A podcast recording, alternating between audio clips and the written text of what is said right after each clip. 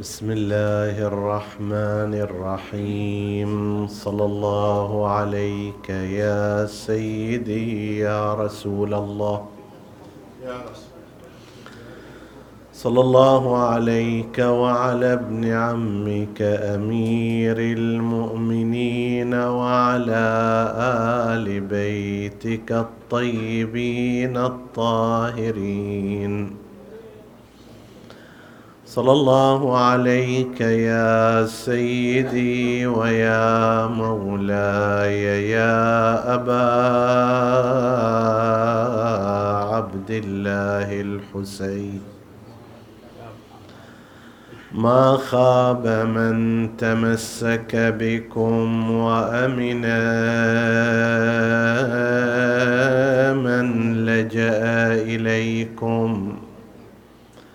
يا ليتنا كنا معكم فنفوز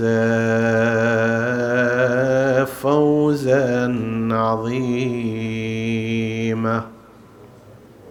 قال الله العظيم في كتابه الكريم بسم الله الرحمن الرحيم. ومن آياته أن خلق لكم من أنفسكم أزواجا أزواجا لتسكنوا إليها وجعل بينكم مودة ورحمة. إن في ذلك لآيات لقوم يتفكرون. آمنا بالله. صدق الله العلي العظيم. عطروا مجالسكم بذكر محمد وآل محمد.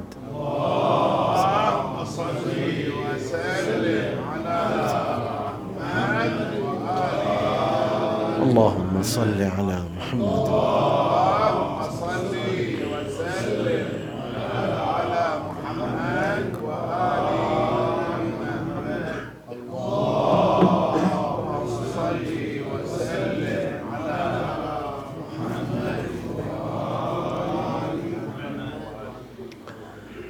حديثنا بإذن الله تعالى في ضمن سياق الحديث عن نساء كربلاء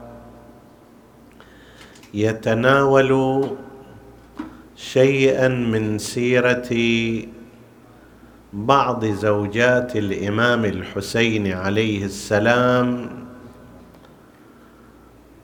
وهما أم إسحاق بنت طلحة التيمية والرباب بنت امرأ القيس الكلبية.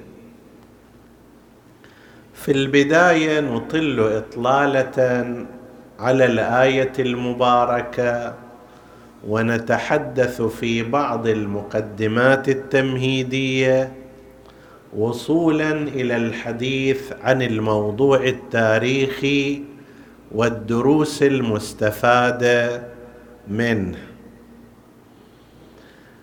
الآية المباركة من سورة الروم تأتي في سياق الحديث عن آيات الله الكبرى في الكون. فيبدأ من آياته أن خلقكم من تراب ثم إذا أنتم بشر تنتشرون. هذه من الآيات العظيمة والعلائم الكبيرة على وحدانية الله عز وجل وعلى خالقيته وذلك لأن لا يوجد أي نوع من أنواع التسانخ والتجانس بين التراب وبين البشر الكريم. الأشياء ممكن أن تخلق منها شيء مناسب إلها. شيء لنفترض ماء يتحول إلى بخار أو إلى ثلج أو إلى غير ذلك هذا يتجانس مع ذاك. لكن أن تأتي لكي تجعل من هذا التراب الذي ليس فيه حياة ولا هو فيه ليون وانعطاف فإذا به يتشكل في صورة بشر في هذا البشر ماء العين وفي هذا البشر عظام الداخل وفي هذا البشر البشره اللينه للجلد. وأمثال ذلك هذه من الأمور العظيمة التي ينبغي أن تدل الناظر على عظيم قدرة الله عز وجل. ثم بعد ذلك يأتي بآية أخرى وهي نظام الزوجية بالنسبة إلى الإنسان على وجه الخصوص الناس. ومن آياته أن خل ومن آياته الأخرى أيضا ماذا؟ أن خلق لكم من أنفسكم ازواجا نظام الزوجية. لتسكنوا إليها أكو عندنا في القرآن تعبير تسكن جاء في موضعين على الأقل. جاء في الليل جعل الليل لتسكنوا فيه. وجاء هنا في القضية الزوجية. طبعا السكن في الشيء غير السكن إليه. السكن إلى شيء الإطمئنان الهدوء الراحة النفسية. الانسجام بينما السكن في الشيء ما مو شرط هذا أنت تسكن في بيت. من دون أن تكون عندك راحة نفسية في هذا المكان. تقعد يكنك عن الحر والبرد. لكن أن تسكن إليه تطمئن نفسك إليه ترتاح هذه خاصة بنظام الزوجية. وجعل بينكم مودة ورحمة باعتبار أنه في كثير من مخلوقات الله عز وجل. نظام الزوجية أحيانا يقتضي القتل أحيانا يقتضي الإفناء. بعض المخلوقات عندما تتزاوج يقتل بعضها بعضا. العنكبوت إذا كانت الأنثى أقوى من الذكر عندما يتزاوجان تلتهمه بعد ما تنتهي عملية التزاوج تلتهمه وتقتله. بعض أنواع النحل كذلك تقتل الذكر الملقح بعض أنواع النمل أيضا كذلك وهذا يذكره علماء الحيوان كثير. من الفصائل اللي عملية التزاوج فيها لا تخلو من شدة لا تخلو من عنف لا تخلو من قتل إلى غير ذلك. إما في طرف الذكر وهو الغالب أو في طرف الأنثى اللي تتأذى بجهات معينة. أما عندما نأتي إلى هذا الإنسان فقد جعلت هذه العملية مقترنة بالمودة والرحمة وسابق عليها ليسكن إليها لتسكنوا إليها.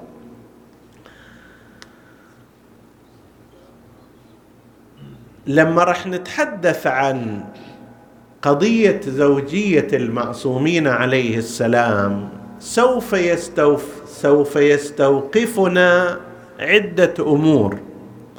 الأمر الأول تعدد زوجاتهم. نحن نجد أن المعصومين عليهم السلام تعددت زوجاتهم. الإمام أمير المؤمنين عليه السلام قيل تزوج ثمان حرائر وعدد ضعف هذا من غير الحرائر. الإمام الحسن أيضا بحدود ثمان تسع حرائر. الامام الحسين ستة وقيل ست حرائر وقيل ثمان.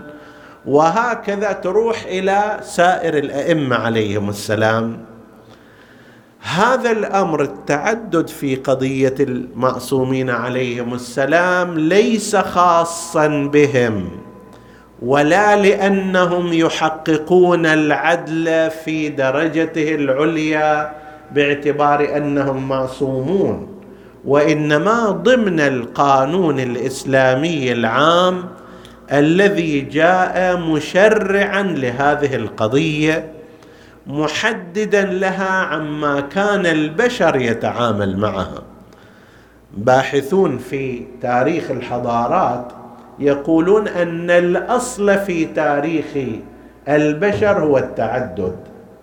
عندما يروحون يدرسون إلى يدرسون الحضارات والدورات البشرية يجدون أن الأصل في التزاوج بين الرجال والنساء كان هو التعدد ولكن سواء كان بتوجيه الأنبياء والديانات أو خارج هذا الإطار الإسلام جاء حدد من حيث الكم ومن حيث القوانين الضابطة لم يبدأ شيئا جديدا لم يفتعل هذا النظام هذا النظام كان نظام تعايش معه البشر تاريخيا لكن كان بلا ضوابط واضحة. الإسلام جاء وقال الضابط ما لأن لا يجمع مثلا بين أكثر من أربع نساء في وقت واحد وأن يكون مؤطر باطار بإطار العدالة في النفقة وما شابه ذلك. إذا صار سوء في التطبيق فهذا لا يرتبط بالموضوع الديني والتشريعي المعصومون عليهم السلام أيضا كانوا ضمن هذا الإطار بل يحضر ببالي أن أحد مؤرخي الحضارات وهو كاتب مرموق وهو لوي ماسينيون متوفى فرنسي متوفى سنة 1930 ميلادية وعنده كتب أيضا حول الإسلام وحول التاريخ الحضاري للإنسان. يقول نحن الغربيون لم نستطع أن نتفهم هذا النظام الموجود عند المسلمين بالرغم من أنه موجود عندنا ما هو أسوأ منه وهو التعدد السري. هذا الحكي في سنة 1930 ميلادية يعني قبل ثمانين سنة تقريبا. نظام التعدد السري عبر الخليلات والعشيقات وغير ذلك رسميا هو متزوج زوجة واحدة ولكن واقعيا لديه عدد كبير غير محدود من العلاقات وهذه حالة عامة. بينما لو كان هذا المجتمع الغربي يلتزم بنفس القوانين التي جعلت في الإسلام من حيث الكم ومن حيث النظام الضابط لها هذا أفضل للحالة الاجتماعية. طيب هذه الملاحظة الأولى أننا نلحظ في ما يرتبط بأمر المعصومين عليهم السلام قضية التعدد ومن أولئكم كان الإمام الحسين صلوات الله وسلامه عليه. النقطة الثانية اللي أيضا تذكر في هذا الإطار هو زواج المعصومين عليهم السلام من بعض النساء من أسر لم تكن هذه الأسر بحسب التصنيف موالية لهم. يعني عندنا مثلا بعض الزوجات ينتهي نسبها في أحد الفرعين إلى بني أمية مثل ليلى الثقفية إن شاء الله نتحدث عنها في ليلة خاصة بها أمها من آل أبي سفيان. عندنا هذه أم إسحاق التيمية بنت طلحة صاحب الزبير في قضية حرب الجمل. طلحة والزبير قام في وجه أمير المؤمنين عليه السلام وقتل في حرب الجمل بنت طلحة اللي هي أم إسحاق وهي امرأة جليلة القدر عظيمة الشأن ممدوحة جدا. أوصى بها الإمام الحسن عليه السلام كما سيأتي في الحديث عنها. هذه بنت طلحة مباشرة. طيب وأمثال ذلك. هذا يستوقف الإنسان في النظر. طبعا من الناحية الشرعية تعلمون أنه لا يحرم تزاوج المختلفين مذهبيا. يعني إنسان على مذهب أهل البيت عليهم السلام يستطيع أن يتزوج امرأة من خارج المذهب. عكس ذلك أيضا امرأة شيعية يتزوجها شخص من خارج المذهب لكن ضمن شرط أن لا يؤدي ذلك إلى فقدانها لعقائدها وأن لا يفسد عليها أبناءها فيما يرتبط بولاية أهل البيت عليهم السلام. طبعا إحنا نتكلم عن المذاهب المعهودة والمعروفة لا مثل المذاهب التي تنصب العداء لأهل البيت أو لها مواقف شديدة وعنيفة.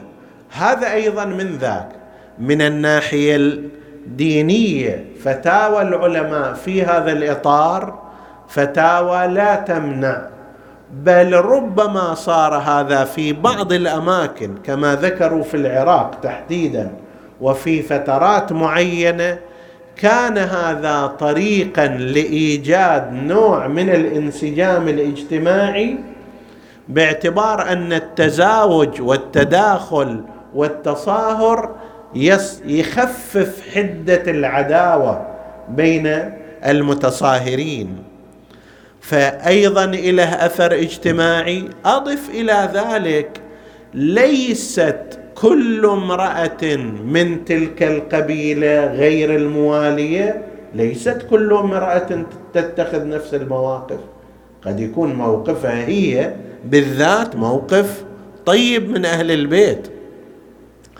قد يكون هي منتمية إلى عائلة من الناحية الإسمية مصنفة على خلاف خط أهل البيت لكن هي كشخص تكون متفهمة موالية عارفة بشأن أهل البيت سلام الله عليهم سواء هذا في الرجل أو في المرأة. عندنا واحد من من أصحاب الإمام زين العابدين عليه السلام ويسمى في رواياتنا سعد الخير. هذا من من أحفاد مروان بن الحكم. مع ذلك هو من خلص أصحاب الإمام السجاد سلام الله عليه وكان يراسله. ومتأذي من هذا النسب اللي هو لاحقنا فقال له أنت لست من هؤلاء إنك منا أهل البيت. فقد يكون الشخص الواحد وإن كان في أسرة غير حسنة لكن مواقفه طريقته سيرته معيشته بشكل آخر. بعد هذا نفد إلى الحديث حول هاتين الشخصيتين هاتين المرأتين الصالحتين اللتين كانتا زوجتين للإمام الحسين سلام الله عليه. مناسبة الحديث أيضا باعتبار إحنا حديثنا حول النساء في كربلاء لبيان أدوارهن وأنه مو فقط الرجال اللي قاموا بالدور الأعظم كان هناك أيضا النسوة اللاتي واصلن المشوار وكن في السبي وقبل السبي أيضا كان لهن أدوار. أول واحدة هي هذه المرأة أم إسحاق بنت طلحة التيمية. كما ذكرنا قبل قليل هي بنت طلحة الذي خرج على أمير المؤمنين عليه السلام. تزوجها الإمام الحسن عليه السلام أول الأمر. غير محدد عند المؤرخين وقت تزوجها بالإمام الحسن عليه السلام فقد يحتمل أن يكون وهو الأكثر كما يراه البعض بعد قضية حرب الجمل يعني بعد أن قتل أبوها بعد سنة 36 هجرية تزوجها الإمام الحسن المجتبى سلام الله عليه وله منها ولد واحد توفي وهو صغير اسمه طلحة أيضا. بين قوسين هذه الأسماء عندنا الآن ربما فيها الأزمنة صار إليها ظلال معين. لما تقول هذا طلحة وهذا كذا كأنما تشير إلى بعض من كان مخالفا لأهل البيت عليهم السلام. في تلك الأوقات لم تكن هذه الأسماء تشير إلى هذه الإشارات. ولذلك مثلا نجد في أصحاب الأئمة عليهم السلام من كبار أصحابهم واحد اسمه معاوية واحد اسمه يزيد واحد اسمه كذا. ربما لأن هذه ولدت للإمام الحسن ولدا ورغبت في أن يسميه باسم أبيها لم يكن الإمام الحسن يمانع في ذلك لا سيما إذا كان ذلك يشير إلى العشرة بالمعروف. أحيانا تصير ترى مشكلة على الاسم بين زوجين. هذا يقول أنا أبغى على اسم أبوي. هي تقول لا لازم اسم أبوي أنا. وتعال ابدأ في مشكلة لها أول وليس لها آخر. على شنو؟ على هذا الاسم. أما اسم والدي أو اسم والدك أنت أيها الرجل أيها القوام أيها المدير كن أكثر حكمة. لا تحول هذا الاسم اللي ما راح يقدم ولا راح يأخر إلى مشكلة وفتنة بينك وبين زوجتك. انت هالاسم هذا إذا أصريت عليه الا اسم والدي الا اسم جدي أو أخوي راح وسافر وأبغى اسمه يكون اسم اسم ولدي يكون على اسم أخي. أنت لا تشتري بذلك ودها لا تشتري بذلك رضاها.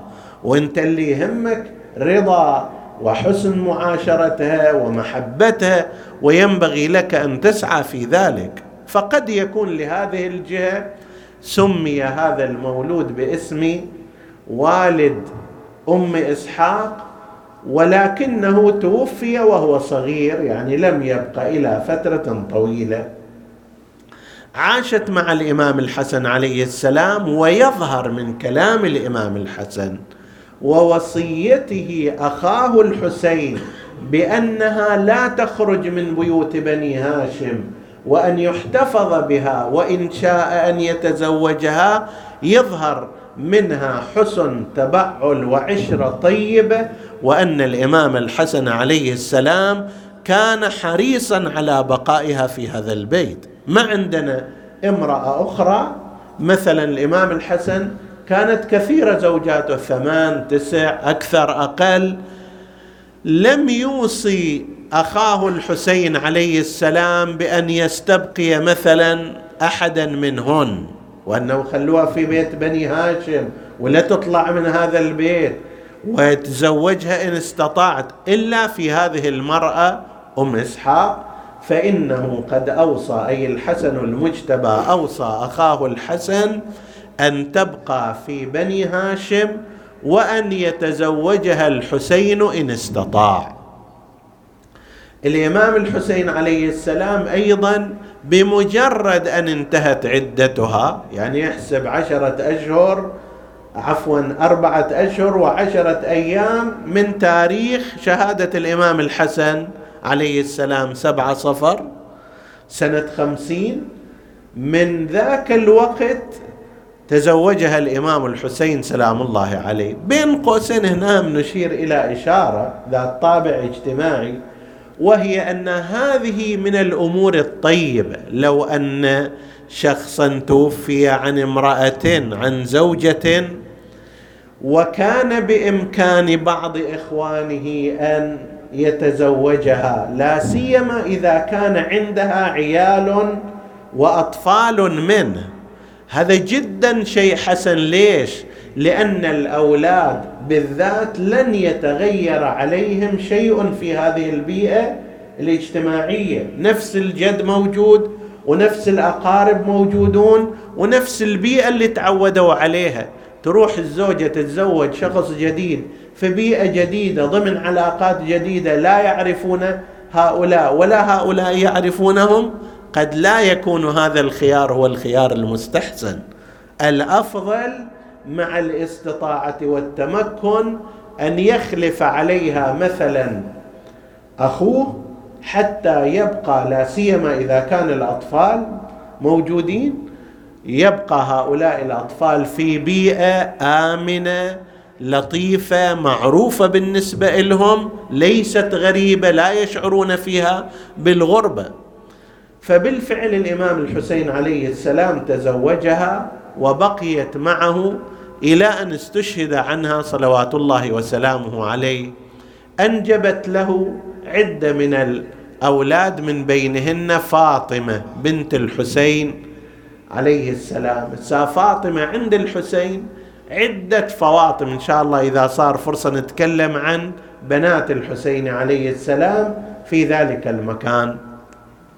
هذه المرأة الصالحة تنقل عن عبادة الحسنين. سلام الله عليهما. باعتبار كانت في بيتيهما فتقول إن الحسن المجتبى كان يأخذ نصيبه من قيام الليل في أول الليل. نصف الليل الأول والحسين كان يقوم الليل في آخره.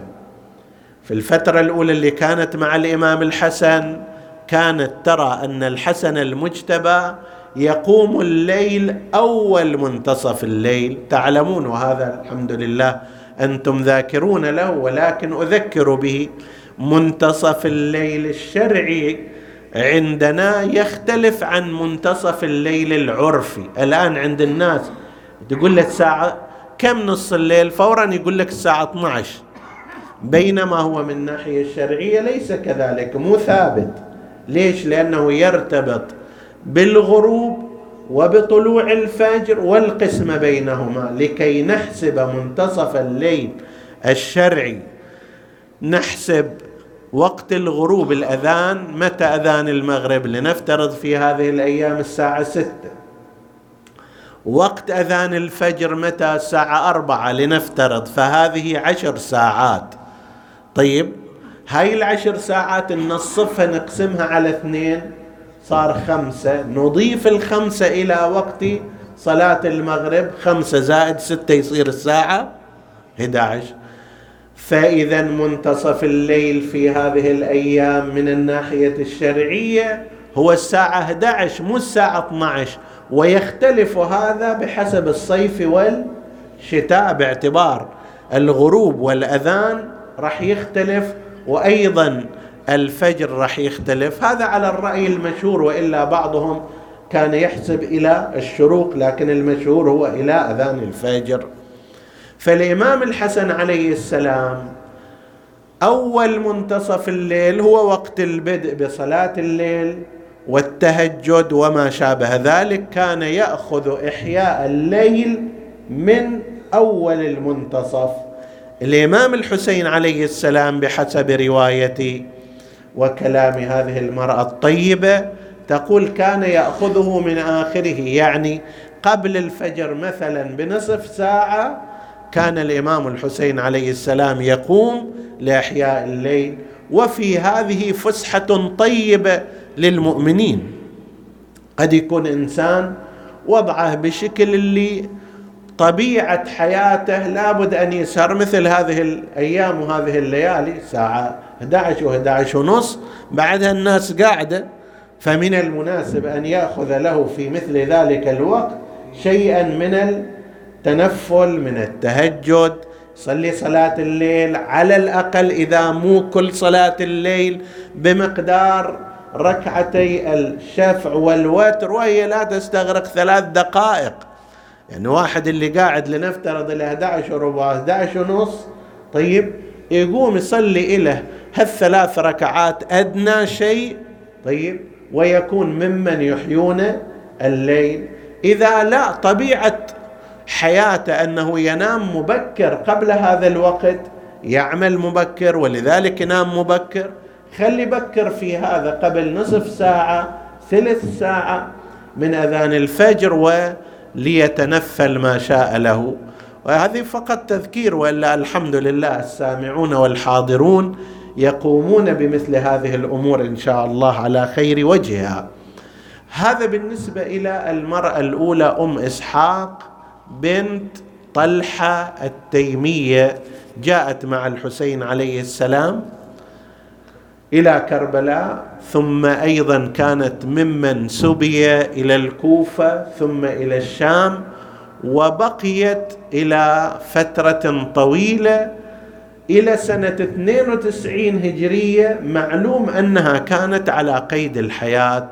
بعد ذلك ماكو خبر عنها يعني لا ينقل التاريخ عنها خبرا. ولذلك إلى هالفترة كانت موجودة معلوم هذا. وبعد ذلك الله العالم كيف سارت بها الحياة. الشخصية الأخرى الزوجة الأخرى هي الرباب بنت امرئ القيس الكلبية. أكو امرؤ القيس المعروف الشاعر الضليل أو الملك الضليل الذي حتى ورد في كلام مولانا أمير المؤمنين عليه السلام عندما سئل من أشعر العرب قال إنهم لم يجروا في ميدان واحد. ما تسابقوا في ميدان واحد لنفترض؟ في أوزان محددة أو في وصف معين تجي تسوي لك مسابقة تقول مثلا نريد قصائد حول الغدير اللي عنده يتح... ينظم في هذا الإطار بعدين نقارن أي القصائد فهم مختلفون في النواحي التي ذكروها. لذلك لا يمكن المقايسة بينهم بشكل ممتاز.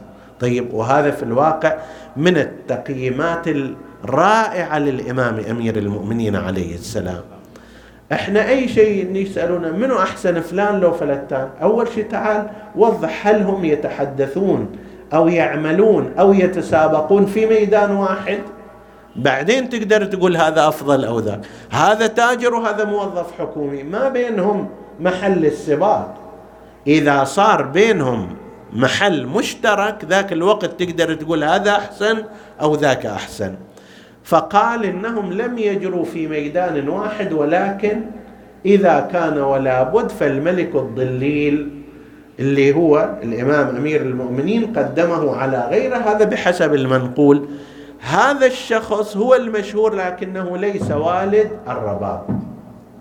ليس والد الرباب بنت امرئ القيس وإنما والدها امرؤ القيس الكلبي وكان على زمان سيدنا رسول الله محمد. اللهم صل وسلم على محمد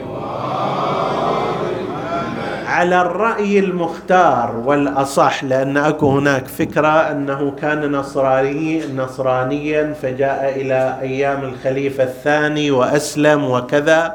هذه لم تتأكد هذه الرواية. الرواية الأدق منها والأصح أنه كان مسلما على أيام رسول الله صلى الله عليه وآله وأن النبي ولاه على صدقات قومه. قال له أنت مسؤول أن تجمع الصدقات من قومك وتأتي بها. هذا الرجل كان اذا من ولاة النبي صلى الله عليه وآله ومن وكلائه في قبض الصدقات والأموال والزكوات. في سنة 19 هجرية من هنا يبدأ الخبر؟ في سنة 19 هجرية اللي هي أيام الخليفة الثاني جاء إلى المدينة المنورة وكان عنده ثلاث بنات.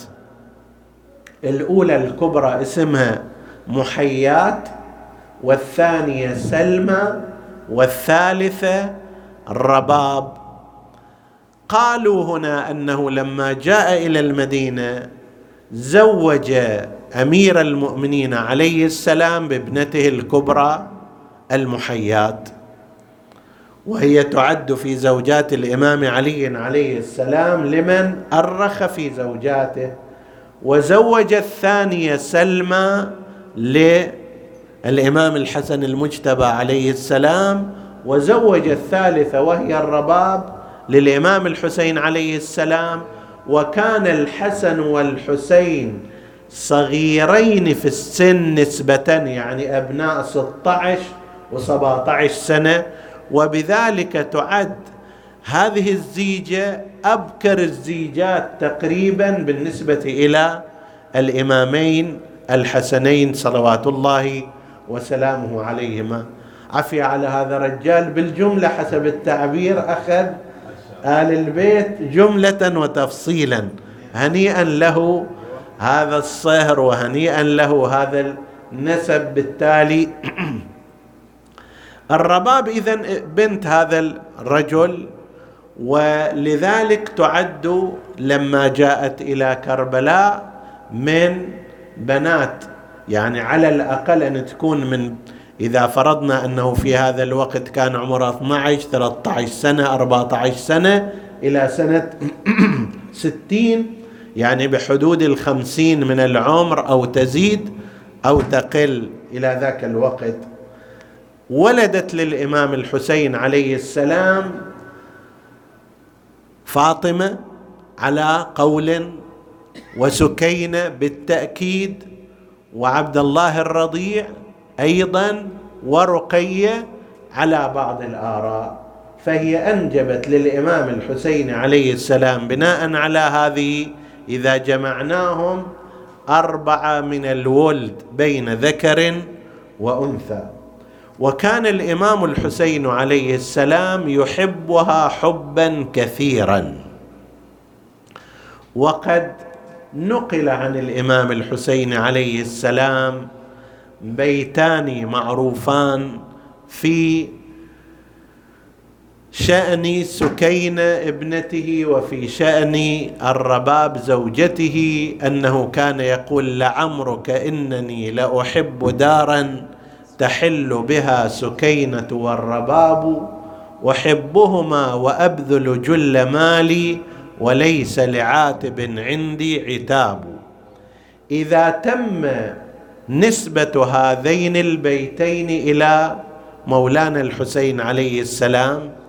وإبداء مشاعر هو ليس حالة استثنائية هو هو الأمر الطبيعي. إحنا ناس معقدون. نحن أيها المتكلم يعني الحاضرون حاشاهم والسامعون كذلك. نحن معقدون عندما نبخل ونظن بمشاعرنا. ليش ما تقول لزوجتك أنك تحبها؟ قول عجل أنا ويش أسوي؟ من الصبح إلى الحين طالع أدق حافر من ساعة ستة إلى المغرب. مو أنا أحبها؟ لو ما أحبها كنت أطلع؟ ما يخالف. قول لها أنا أحبك. لأن لأن الإمام الصادق عليه السلام وعن الحسين هذا منقول قول الرجل لامرأته إني أحبك لا يذهب من قلبها ابدا. ما يطلع من قلبها ما ينمسح بمساحه زين إذا تقول أنا أحبها ليش رايح وليش جاي؟ لا صرح به. الله يعلم أننا ندين له بالربوبية. ونشهد أنه لا إله إلا الله. بس يقول لك لازم تقول. أشهد أن لا إله إلا الله وأشهد أن محمدا رسول الله.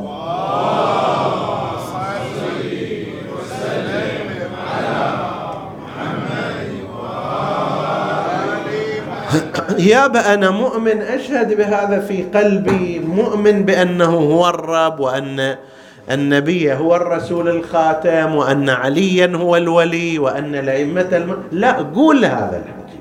قوله في الأذان قوله في الإقامة قوله في التشهد. قوله في أذكارك الاعتيادية.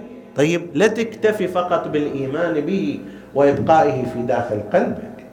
لا سيما مع آثاره هذا. فإذا مثل الإمام الحسين عليه السلام بناء على مثل هذا هذين البيتين لو تم نسبة إليه نجد الأمر طبيعيا جدا. الإمام الحسين اللي يقول لنا قولوا لنسائكم تحبونهم وأن قولكم لهن لا يذهب من قلوبهن ابدا. هو أولى أن يطبق هذا وهو السابق. قل لابنك قل لبنتك هذه البنت لا سمح الله ولا قدر. إذا ما عاشت نقص العاطفة ذاك الوقت ما حد يجي يخدعها. الآن هي متروسة عواطف. والدها يحيطها بالحنان والرعاية يضمها إلى صدره يتكلم عنها يمدحها يثني عليها. أمها تفعل نفس الفعل بعد لو يجي من يكون من الخارج حتى يخدعها بكلمتين. ما يحصل إلى مشتري. أما تلك الفتاة المحرومة اللي ما تسمع إلا كلمات الصراخ والصياح والشتائم وما شابه ذلك بمجرد أن يأتي شخص بكلمات معسولة طيبة من الممكن أن يخدعها عن نفسها. الزوجة أيضا تحتاج إلى هذا الأمر. الزوجة تحتاج إلى أن يثني عليها الإنسان عملت شيئا حسنا يذكر ذلك بذكر حسن يبدي لها مشاعره قطعا هو يحبها وإلا لم يكن ليبقى معها. طوال هذه المدة فليخبرها عن هذا الشيء. ما دام المفتاح مالها هو هذا مفتاح قلبها هو أن تقول لها هذا الأمر وأنه لا يذهب من قلبها. فالشاهد الإمام الحسين عليه السلام كان هكذا يصنع وهي بادلت الحسين محبة عظيمة ربما لم نجدها في سائر النساء. واحد من الأمور خب هي التي نقل عنها الوحيدة التي نقل عنها من زوجات الحسين عليه السلام اشعارا رثائية. في ديوان يزيد لما رأت رأس الحسين عليه السلام قامت وصرخت وحسينا. فلا نسيت حسينا. أقصدته أسنة الأعداء. غادروه بكربلاء صريعا. لا سقى الله جانبي كربلاء. وهكذا في شعر آخر تقول والله لا أبتغي صهرا بصهركم حتى أغيب بين الماء والطين لأنه بعدما رجعت إلى المدينة بعضهم ذكر لها أمر الزواج. قالت لا بعد مصاهرتي لرسول الله صهر النبي وزوج الحسين أجي أتزوج شخص آخر هذا لا يكون. وكانت في غاية الحزن عليه حتى ماتت نص المؤرخون حتى ماتت بعد سنة واحدة كمدا على الحسين. سنة 62 هجرية بعد سنة أقل من سنة حتى من وصولها إلى المدينة. هالفتره هذه كما ينقل المؤرخون كانت تعيش حالة الحزن والكمد والعزاء؟ إلى أن فارقت روحها الدنيا. شنو من حب هذا؟ شنو من ود كانت تكنه للإمام الحسين سلام الله عليه؟ ويستاهل الإمام الحسين أن تتلف النفوس في حقه. فمن الواجب عينا. شيخ الدمستاني رضوان الله عليه لبس سربال الأسى. واتخاذ الحزن وردا كل صبح. ومساء وقليل تتلف الأرواح في حب الحسين. ليش لست أنساه طريدا من جوار المصطفى؟ طريد بأبي وأمي. الدنيا تتسع لغيره وتضيق عليه. لا اذا بالقبة النوراء يشكو أسفا. قائلا يا جد رسم الصبر مني. قد عفا ببلاء أنقض الظهر. وأوهى المنكبين وين رايح أبو علي؟ قال إلى مكة إلى بيت الله الحرام. ألوذ به هناك. لعل هؤلاء الطواغيت يحفظون حرمتي لعل الشهر الحرام يمنعهم والبيت الحرام. فبقي في مكة المكرمة عدة أشهر إلى يوم الثامن من شهر ذي الحجة الحرام. وإذا بذلك اللعين عمرو بن سعيد بن العاص الأشدق الأموي يجرد عليه حوالي عشرين رجلا مسلحا ليقتلوه ولو كان متعلقا بأستار الكعبة. ما عند أمان ابن رسول الله. ما عند أمان ابن فاطمة الزهراء.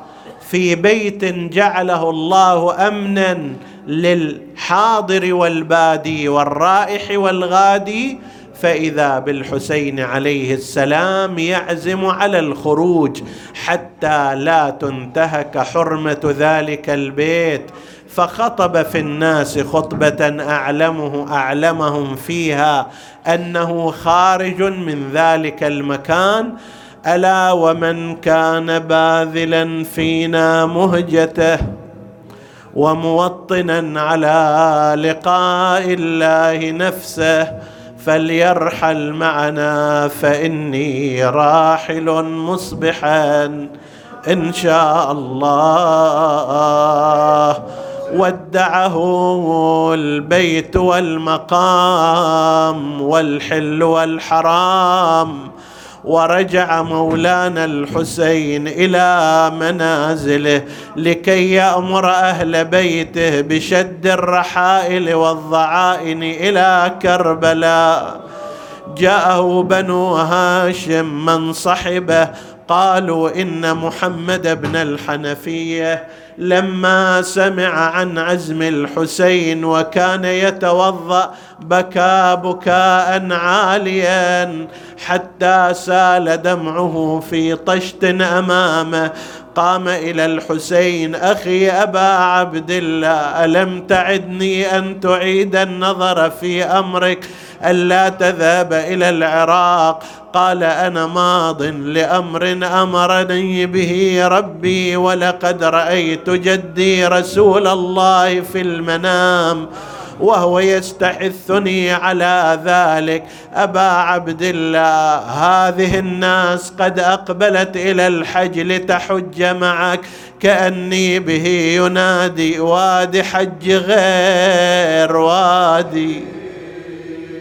والشهر غير الشهر تنقضي كل هالمناسك يوم عاشور. وين أبا عبد الله؟ إلى أين تذهب؟ قال هالسنه عيدي وحجي تعين بأرض الطفوف ورد ضحي بالصنايا آديد الذي حولي. هذا جسمه مقطعينه وذاك مقطوع الجفوف. هذا ما يهنى بساعة بين عرسه وذبحته ولو تشوف شلون هرويل من يناديني شب ابتدي بالتلبية والنوح ما بين الأطناب. نوب صوب المشرعة وانظر قمر عدنان غاب. نوب وسط المعركة للولد أرفع جثته. قال أبا عبد الله ما حملك هذه النسوة؟ قال شاء الله أن يراني قتيلا. وشاء الله أن يراهن سبايا. أخذ يراجعه دعهن معنا نحن نردهن إلى مدينة جدهن. قال أرباب الخبر كأن زينب سمعت من داخل الخباء ذلك. نادت لحد يشور علوا آلينا يخلينا ويشي. ما نطيق فراق أخونا ولا نحب غيره كفي كان خايف يذبحونا وننسى بسبي العبيد.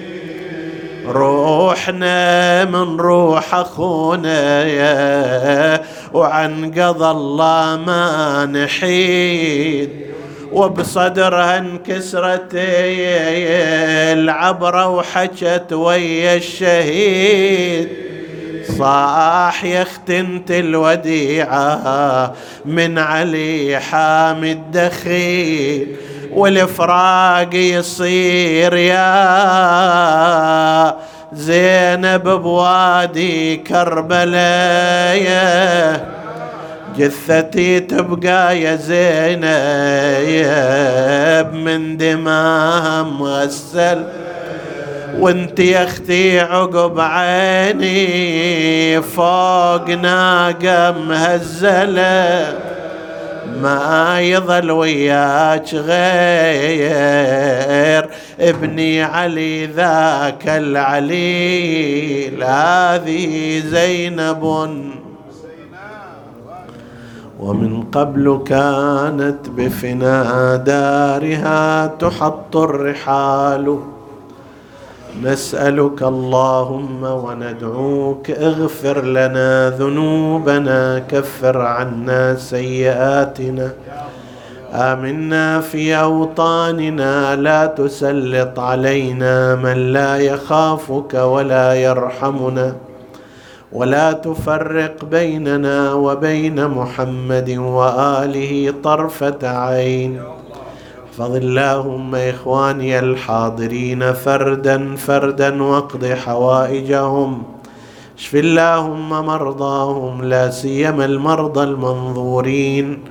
اللهم اشفهم بشفائك وداوهم بدوائك وعافهم من بلائك وتقبل اللهم عمل المؤسسين بأحسن القبول.